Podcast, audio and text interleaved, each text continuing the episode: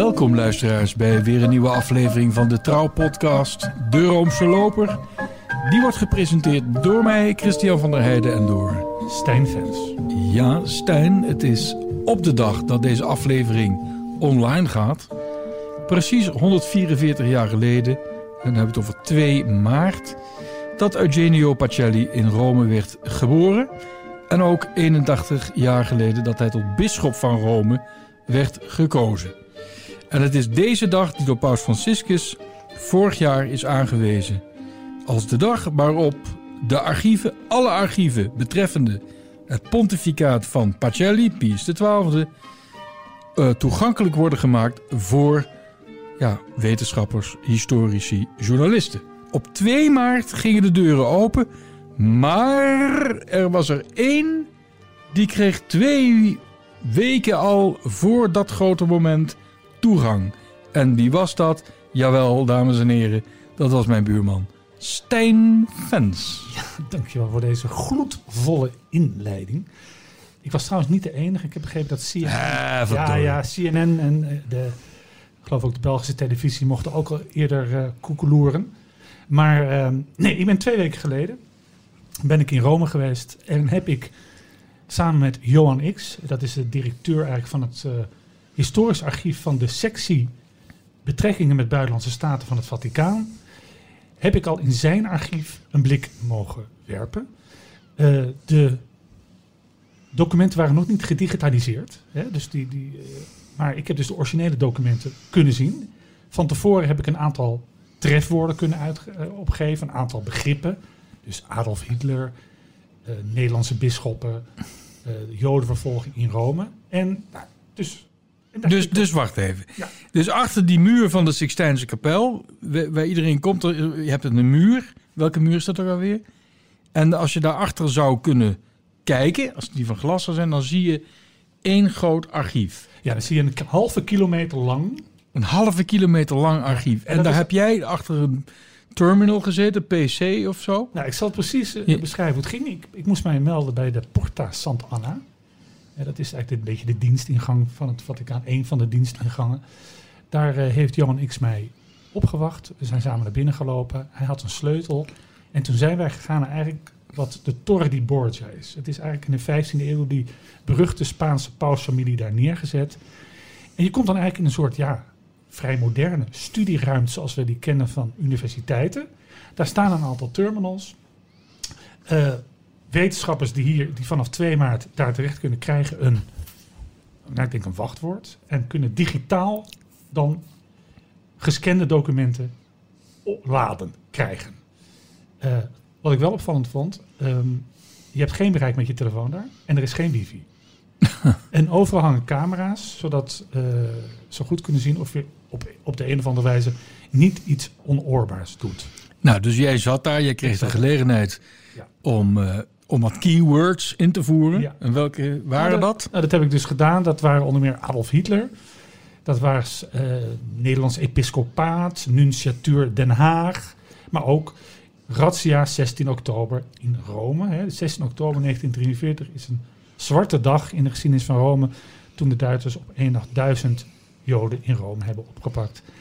En de, hè, het grote verwijt aan Pius XII is altijd geweest dat hij die Joden eigenlijk heeft laten zakken. Dat hij niet genoeg voor hen gedaan heeft.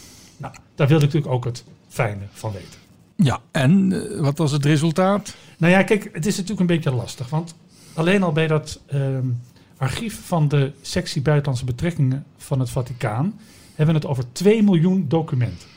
Die zijn trouwens nog niet allemaal gedigitaliseerd. Dat is een enorm werk. Hoe, hoeveel zijn er in totaal? Ongeveer de helft van het pontificaat. Dus ze zijn nu in 1951, iets over de helft. Mm -hmm. Maar de jaren van de Tweede Wereldoorlog en het belangrijke jaar 1939, dat daar natuurlijk aan vooraf gaat. Hè. Je zegt hij werd paus op 2 maart 1939. Welk, welke persoon op aarde wordt nou op zijn verjaardag tot paus gekozen? Ja. Uh, dat, zit er, dat zit er ook in. Interessant is trouwens dat uiteindelijk niet alleen het pontificaat van Pius XII beschikbaar is, maar ook de sede vacante die volgde tussen Pius XII en Johannes de 23e. Daar houdt het op en vervolgens moeten we weer wachten op Johannes de 23e. Nou, dus ongeveer 8 à 900.000 documenten schijnen nu gedigitaliseerd te zijn. en gescand. Dat is een, daar hebben ze zeven jaar over gedaan.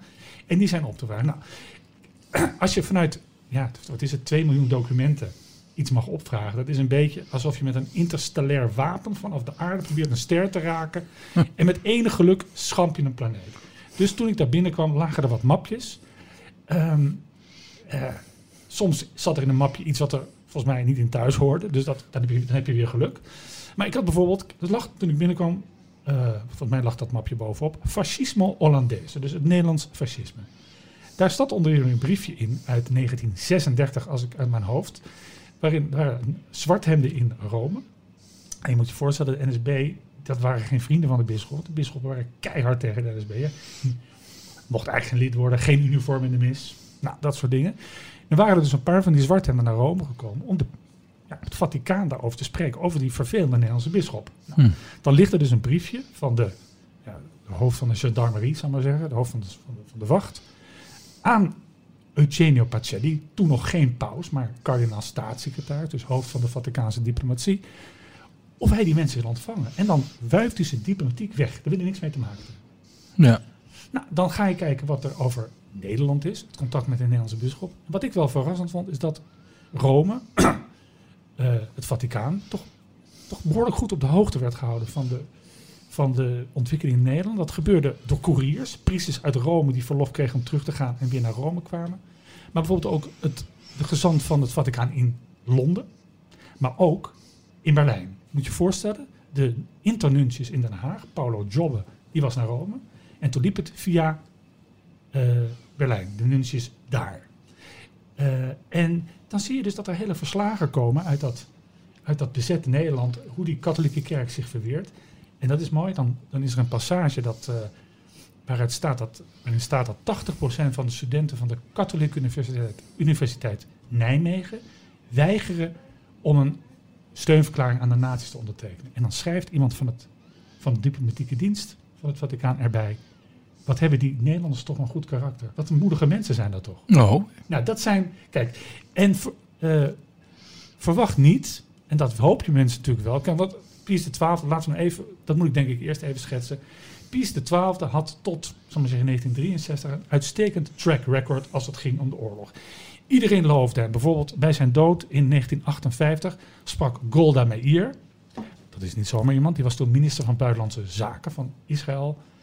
Lovende woorden. En er is, er is, een, er is een, een dienaar van de vrede overleden. En toen kwam er in 1963 een toneelstuk. ja. De Stellvertreter. Der stellvertreter. De plaatsbekleder van Rolf Hooghoed. Ja, nou. En dat gaf een heel ander beeld. Dat gaf eigenlijk het beeld zoals dat toen is gaan groeien van de zwijgende paus. De paus die eigenlijk veel te vriendelijk was voor de Duitsers. Eh, later, in 2007, heeft een of andere oud-directeur van de Securitate, dat is de Roemeense ge- geheime dienst, verklaard dat die hele, dat hele stelvertreter een operatie was van de KGB. Nou ja, dat toneelstuk dat is, dat is zelfs verfilmd door de... Costa Gavras, uitgekomen in 2002. Ja. En dan was er nog natuurlijk het boek van eh, John Cornwell, Toen ging het helemaal volgens los. mij uit 1999, dat de venijnige titel had Hitler's Pope. En Ja. dat eigenlijk zegt, nou, weer die stelling, te veel gezwegen, uiteindelijk niet voor de Joden opgekomen. En Pacelli, slash Pius het Water, was gewoon antisemiet. Ja. Ehm, dus ja, ik kan kunnen zeggen dat de meningen over Pius XII altijd verdeeld zijn geweest. Deugt hij nou wel of deugt hij niet? Was hij nu een held van de Joden of een vazal van de Duitsers? Nou, eh, toen een jaar geleden Paus Franciscus eh, eigenlijk besloot dat archief vrij te nemen, toen dat bekend werd gemaakt, toen was eigenlijk de hoop van nou dat als nu al die documenten vrijkomen, dan krijgen we eindelijk antwoord op die vraag. En daar twijfel ik over. Eh, de vraag is, denk ik, voor, ik heb toen maar een paar documenten kunnen, kunnen zien. De vraag is, ik denk niet, eh, de vraag is of er een briefje in dat archief ligt, of in die archieven ligt, want het zijn verschillende archieven. Eh, ik, Pius XII, wil absoluut de Joden redden. Of een, op, of een smoking gun op een ander, op een ander vlak. De Het tegenovergestelde. het tegenovergestelde eigenlijk. Hè? ja. Eh, de documenten die ik gezien heb, laten wel zien dat dat apparaat, dus dat, dat diplomatiek apparaat, en dan zeggen het, de, de mensen op straat in Rome van Pius XII van alles gedaan hebben om Joden te herbergen. Joden te verbergen, Joden te laten ontsnappen of te, naar andere landen. Maar het is indirect bewijs. Harde feiten zijn er eigenlijk niet. Hè. Een voorbeeld is bijvoorbeeld... Nee, maar het is wel een feit dat er eh, misschien wel... Ja, er minstens één baby geboren, Joodse baby... in het bed van Pius XII in zijn zomerresidentie in Castel Gandolfo. Ja. Nou ja, Toen dat- zat hij er natuurlijk zelf niet.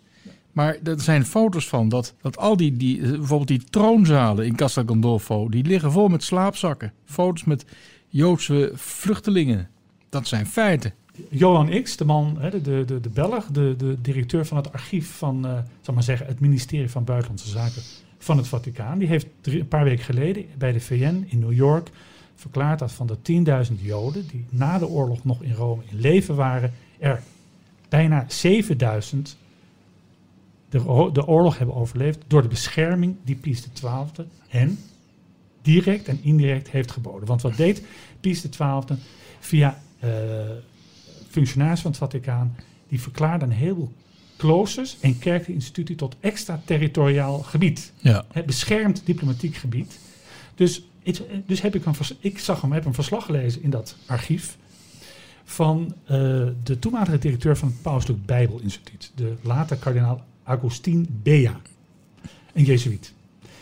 Op die 16 oktober, als in Rome de razzia wordt gehouden en die duizend Joden worden opgepakt die uiteindelijk zouden worden weggevoerd, wordt daar aangebeld door een, door een Duitser. En er zat daar een Jood verborgen in dat Pauselijk Bijbelinstituut op de Piazza Pilotta, volgens mij, bij de Gregorianen. Mhm. En Bea weigert die Duitser binnen te laten. En wijst op een, op een bordje dat op de deur hangt, extraterritoriaal gebied. ja. En daar hielden de Duitsers... Met Die hielden zich daaraan. hè? die hielden zich daaraan. Ze stonden eigenlijk gewoon eh, met hun eh, benen bijna in Vaticaanstad. Ze hoefden maar over de grens van het Sint-Pietersplein te stappen en het was bezet gebied geweest. Maar de moffen die hielden zich daaraan. En zelfs- Waarom eigenlijk? Waarom hebben ze al die eh, landen eh, veroverd behalve Vaticaanstad? Nou ja, kijk, er is zelfs een. eh, dat is niet helemaal duidelijk. Er was toen een, een, een ambassadeur bij het Vaticaan van Duitsland, die heette Van Weizsäcker. Ja, dat is de vader van de latere president. En die speelde een raar dubbelspel. De ene Hmm. keer denkt hij is op de hand van de paus, en de andere keer hij is toch heel trouw aan Hitler. Enfin, dat, ik denk dat eigenlijk tot de positie van de paus, van Pius XII, en ook de angst, misschien wel bij de Duitsers, dat als ze het Vaticaan zouden binnenvallen en bijvoorbeeld de paus zouden ontvoeren, waar, waar dat gerucht is altijd gegaan, ik weet niet of dat waar is, dat dat toch te veel repercussies zou hebben. Ja. En, en laten we zeggen dat de paus natuurlijk ook al zijn, eh, dat we zeggen, mensen in dienst van de paus ook alles hebben gedaan om dat te voorkomen. Maar vergeet ook niet hè, dat er ook 18 à 20 Joden in het Vaticaan zelf zaten verborgen. Onder meer één bij de kanunniken. Dus, maar wat heb ik dan gezien? Want je ziet dus allemaal indirect bewijs. Hè, het is nergens een, inderdaad een duidelijk, een duidelijk eh, brevet van vermogen, om het zo maar te zeggen. Maar, maar er zijn, jij zegt dat er eh 2 miljoen documenten, heb Ja. je die dan allemaal ingezien? Of heb je al die Nee, relevante nee, documenten nee, ik- met, die, met die keywords tevoorschijn kunnen tonen? kijk, ik moest, ik moest vertrouwen op, eh, op, de, op het archief zelf. Dus ik heb die, die trefwoorden ingezet en vervolgens kreeg ik een paar mappen. Dat is, dat is wat er gebeurt. Dus Mhm. ik denk dat uiteindelijk dat archief, dat gaat jaren denk ik kosten om dat werkelijk van binnen en van buiten te kennen. Een nadeel daarbij natuurlijk is dat veel van wat er in Rome gebeurde, maar ook daarbuiten, ook als het ging om het contact met Engeland, met Frankrijk, met Duitsland, gebeurde mondeling. Werd Ja. niet geannoteerd, ook juist uit angst voor eh, als de, als de Duitsers dat Vaticaan zouden binnenvallen en het archief zouden meenemen. Ehm, we hebben het hier over eh, archiefstukken. Hebben we het ook over tapes, bandopnamen? Weet ik niet of die er zijn. Weet ik niet. Nou, wat ik zo interessant vind, is dat namelijk eh, de Amerikaanse auteur Mark Riepling in 2015 met een boek naar buiten trad, Church of Spies, The Pope's Secret War Against Hitler.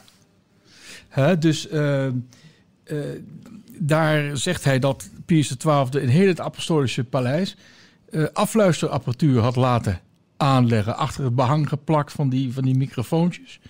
En dat werd allemaal opgenomen. Dus ja, ik verwacht dat toch daar aan te treffen.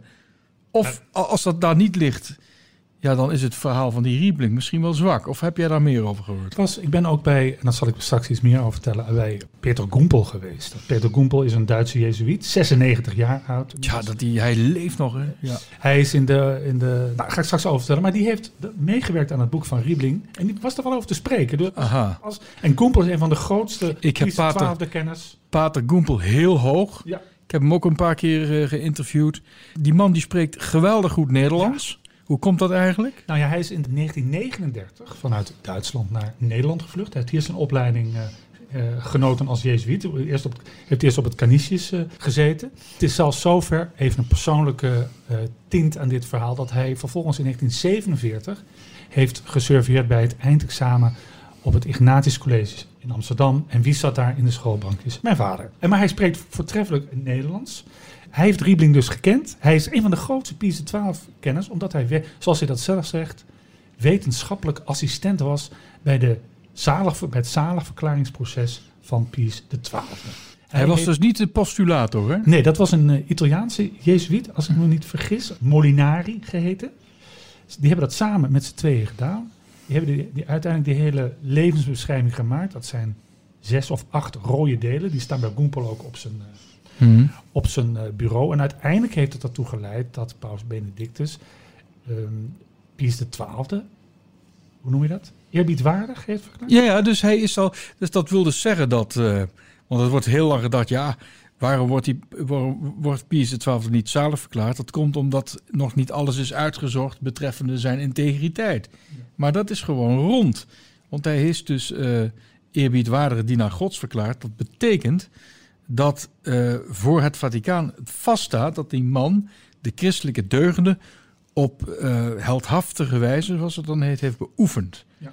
Nou, dat, dat, als je niet deugt, dan, dan, dan hebben ze toch wel eh, heel veel over het hoofd gezien. Ja, en ik heb Want ik neem aan dat, dat Goempel, die archieven die nu voor de buitenwereld worden geopend, dat die daar toch wel heel veel fors werk heeft verricht. Dat heeft hij mij ook gezegd. Maar het probleem was dat toen hij daar eh, toegang tot had, het nog niet geordend was. Dus, het was Aha. dus hij, ja, hij is 96, hij zit in een rolstoel. Ja. eh, maar hij kijkt daar natuurlijk ook naar uit.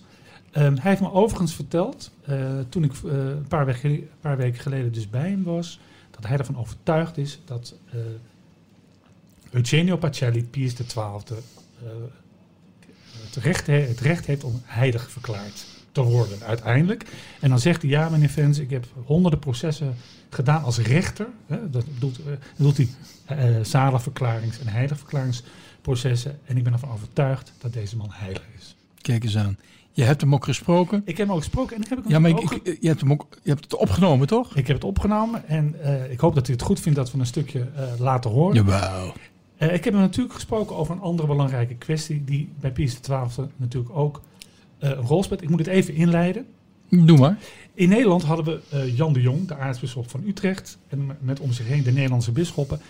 En die stonden, trouwens ook bij Pius XII, al bekend als fel anti-Duits. En Pius XII had daar bewondering voor. Had bewondering voor Jan de Jong en de Nederlandse bisschoppen. Dat heeft hij An- Anti, anti-natie. Antinatie, hè? Antinatie. Dat heeft hij ook een aantal keren eh, open, in het openbaar laten blijken. Nou, wat hebben die Nederlandse bisschoppen gedaan? Eerst in, over, in samenwerking met de andere christelijke kerken, de hervormde kerk en de gereformeerde kerk, die hebben bij de Duitse autoriteit geprotesteerd tegen de deportatie van Joden. Vervolgens zou die brief ook worden voorgelezen in alle kerken. Uiteindelijk is dat alleen gebeurd in de Rooms-Katholieke kerken en wel op 26 juli 1942. Dat was wat, hè? En een felle, anti, hele duidelijke bewoording dat, dit, dat, dat, de kerk de haar afkeuring uitspreekt over wat de Duitsers, de bezetters, allemaal doen. Dat Duitsers, de, Duitsers, de Duitse autoriteiten waren daar woedend over. En hebben vervolgens een paar dagen later eh, een aantal gedoopte Joden, dat waren dus Joden die overgegaan waren naar het katholiek geloof en daardoor gevrijwaard dachten te blijven van deportatie, om tientallen van dat soort gedoopte Joden op te pakken. Onder hen Edith Stein, die later zalig is verklaard, en haar zus Rosa. Dat nieuws is ook in Rome aangekomen. En ook bij Pius XII, die ook nog steeds, misschien wel, zo gaat het verhaal althans, ehm, twijfelde of hij toch ook niet een vlammend protest moest laten horen naar, uh, aan het adres van de Duitsers over de Jodenvervolging. En dan vertelt Goempel het volgende. De paus is naar de keuken gegaan ja, ja. met deze documenten in zijn hand. Ja, en ik heb twee personen nog als hoofdrechter geroepen. En gevraagd, wat kunt u, weet u daarvan? Dat was Mada Pasqualina, nummer één, dus uh, die de hoofd, uh, het hoofd was van de huishouding van de paus. En de, kok, de, de, de zuster die voor de keuken verantwoordelijk was. Een kok dus. En uh, die hebben alle twee eenstemmig gezegd, zo en zo is dat gebeurd. Dus hij is daar naartoe gegaan. Hij had de bedoeling eh, naar aanleiding ook van het protest van de Nederlandse bisschoppen heeft gedacht dat het eh, misschien ook goed was dat hij zelf ook een openlijk protest zou doen. Die was voorbereid en zou gepubliceerd worden de volgende dag in de Osservatore Romano. Maar hij heeft toen gehoord wat de reactie van de Duitsers was. En heeft gezegd, ja, als zij zo'n zoveel mensen uh, straffen en apart, nog apart deporteren zitten, als ik dat doe, dan wordt het misschien twee, drie keer nog zoveel of erger. En dus het is allemaal verbrand in de tegenwoordigheid van deze mensen, die onder eed, ik had hun een eed geadministreerd, uh, om te weten dat het uh, precies weet wat, ik, wat ze kunnen zeggen. En dat woordelijk is opgenomen in de, in de procesakte. Ja, Stijn, ik heb je gehoord met deze geweldige man eigenlijk. Hè? 96 spreekt vloeiend Nederlands. Hij kwam mij ophalen, want hij zit dus in een soort bijgebouw van het generalaat van de Jezuïet in de schaduw van de Sint-Pieter in wat hij zelf noemt het ziekenkwartier. Huh. Dus hij kwam mij ophalen met een, in een rolstoel. We gingen samen in de lift naar de tweede verdieping en we liepen. We, ik, ik, vroeg, moet ik u duwen? Nee, dat wilde helemaal zelf. En toen stond er midden in de, in de gang een andere rolstoel. Met daarin ik zal zijn naam niet noemen, want het privacyoverweging, een kardinaal die ons ook vriendelijk groette. Maar dat was dus een soort...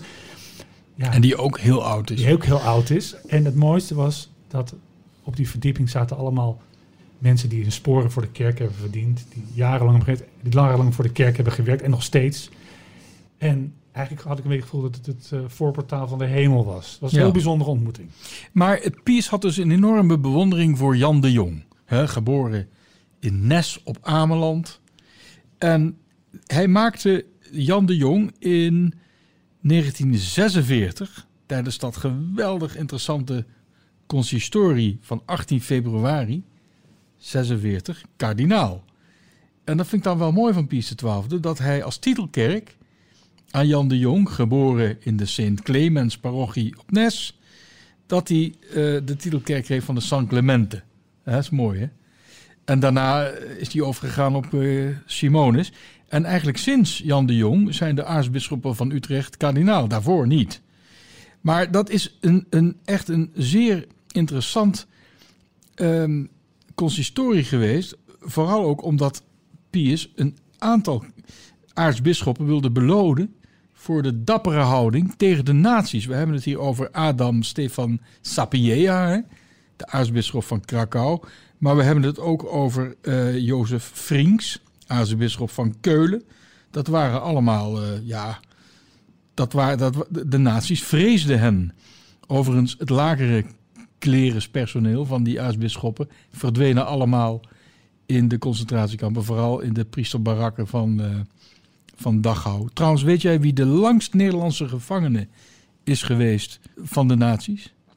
Dat was de vicaris-generaal Lambert Rooijakkers Later trouwens vicaris geworden, maar dat was de priester Lambert Rooijakkers, hoofdredacteur van Sint-Jans Klokken, het latere bisdomblad van het uh, bisdom Den Bosch. Want die, uh, die trok fel van leer tegen de, de nazi's in de jaren 30. En overal in Nederland hadden de nazi's al spionnen. En ze wisten precies als wij Nederland dadelijk hebben bezet, wie we dan moeten arresteren. En Lambert Rooijakkers werd al, nou ik geloof al in, in mei van 1940 uh, uh, gevangen genomen. En uiteindelijk heeft hij Dachau overleefd. Twee kaplaans zijn hem toen uh, op last van monsieur Mitswaars gaan ophalen. Die zaten toen allemaal in, in quarantaine. Dat is al zo'n wonderlijk verhaal, ook allemaal mooi opgeschreven. Afijn, daar zat ook Deken Teulings bij van Nijmegen. Die had ook Dachau overleefd. Ja, en, wat ik uh, natuurlijk ook wel belangrijk is om te zeggen... want we hebben het gehad over dit dat protest van de Nederlandse bisschoppen, ehm, de afweging die Pius XII heeft gemaakt om dat niet te doen. Ik heb daar natuurlijk ook naar gezocht. Ik heb daar voor de rest over die afweging niets, of moet ik zeggen, nog niets gevonden. Misschien ook wel aardig om even te zeggen dat ik in het kader van uh, dit uh, verhaal heb gesproken met historicus Ton van Schaik, die een mooi boek heeft geschreven over uh, Jan de Jong. En die heeft volkomen begrip voor de afweging die Pius XII heeft gemaakt. Die zegt, als hij op eenzelfde wijze zich tot de Duitsers zou begrip, zouden de gevolgen desastreus Ja. zijn geweest. Alleen al voor de Joden in Rome. Tja. De vraag die je natuurlijk wel moet stellen, wat ik al gezegd heb, van ja, het is nu, ik, ik heb daar denk ik twee, drie uur doorgebracht in, dat, eh, in die ruimte, zonder wifi, zonder bereik op mijn mobiele telefoon. Het is nu aan de historici. En eh, ik denk dus, maar dat is dus een hele voorzichtige inschatting Mm. op grond van een fractie, maar ook nog echt een fractie van alles wat daar ligt, dat, eh, dat het nog niet zo duidelijk is. Dat de, dat de, er is trouwens al veel bekend over Pius XII. Hè? Dus eh, op een gegeven moment zijn, met name ook door, ook door invloed van dat toneelstuk, de stijlvertreder, ook door een aantal vo- eh, volumes uitgegeven met akten en documenten van de Heilige Stoel tijdens de Tweede Wereldoorlog. Daar staat al heel veel in. Eh, de vraag is of er nog werkelijk iets groots, iets nieuws uitkomt. Het Vaticaan zegt dat, dat wat zich in al die archieven, hè, dus niet alleen het archief van, het, van de sectie ehm, betrekkingen met buitenlandse staten, maar ook het geheimarchief, het archief van de, van de geloofsleer, zal bewijzen dat hij een stille held is geweest, dat hij eh grootse daden heeft verricht in de schaduw, in de stilte, tijdens Ja. die moeilijke periode voor de kerk en voor de wereld. Ik ben echt benieuwd of ze met toch maar meer aanwijzingen komen van die Mark Riebeling. Ik kom er toch nog even op terug.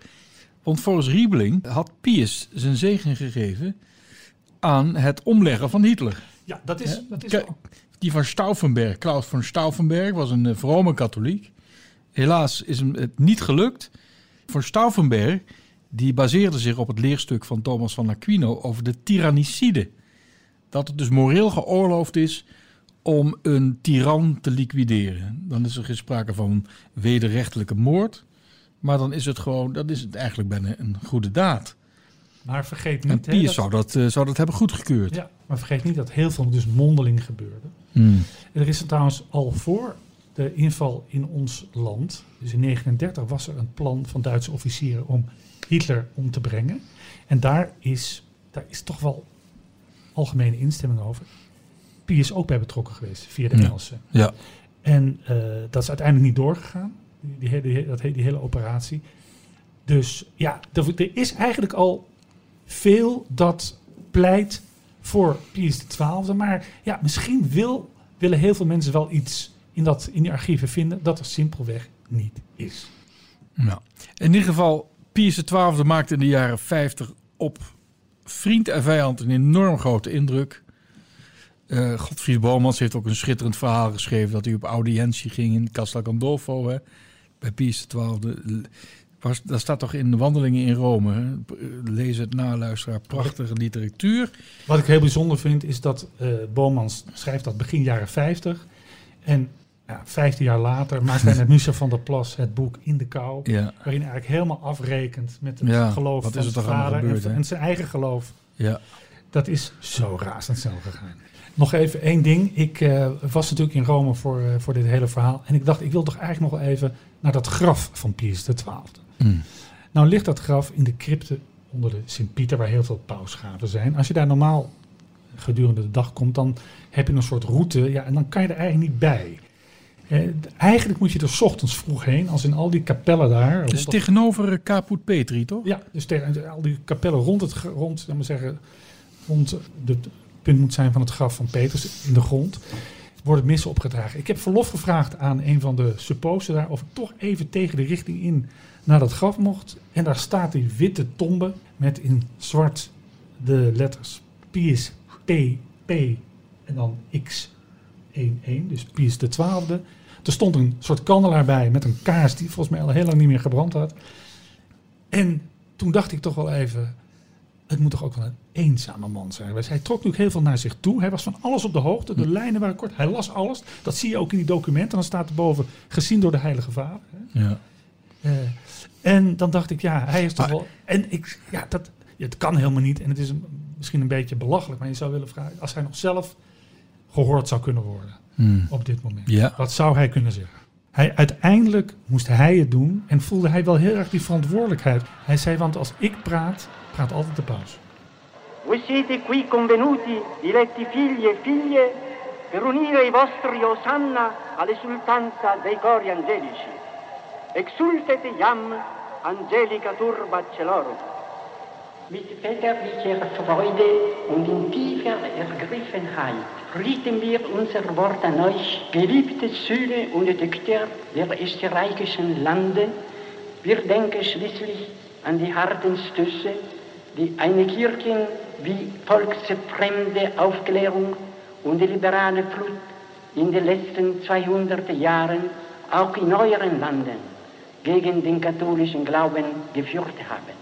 Gott, unser Schirmherr, schau auf uns und verteidige uns gegen die Gefahren, die von Seiten der Feinde uns drohen. Als Unterpfand dessen erteilen wir euch aus der Fülle des Herzens den apostolischen Segen.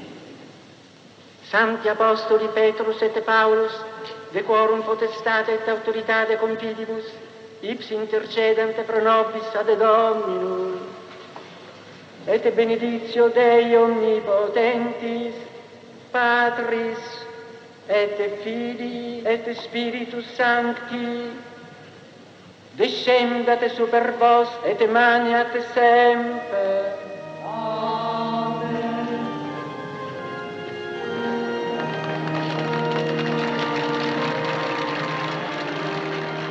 Ja, luisteraars, u hoorde zojuist Pius XII, Eugenio Pacelli, Eugenio de Welgeborene. Stijn, eh, dankjewel voor je verhaal. En eh, het lijkt me toch geweldig dat jij daar als een van de weinigen als eerste toegang hebt gekregen tot die geheime archieven.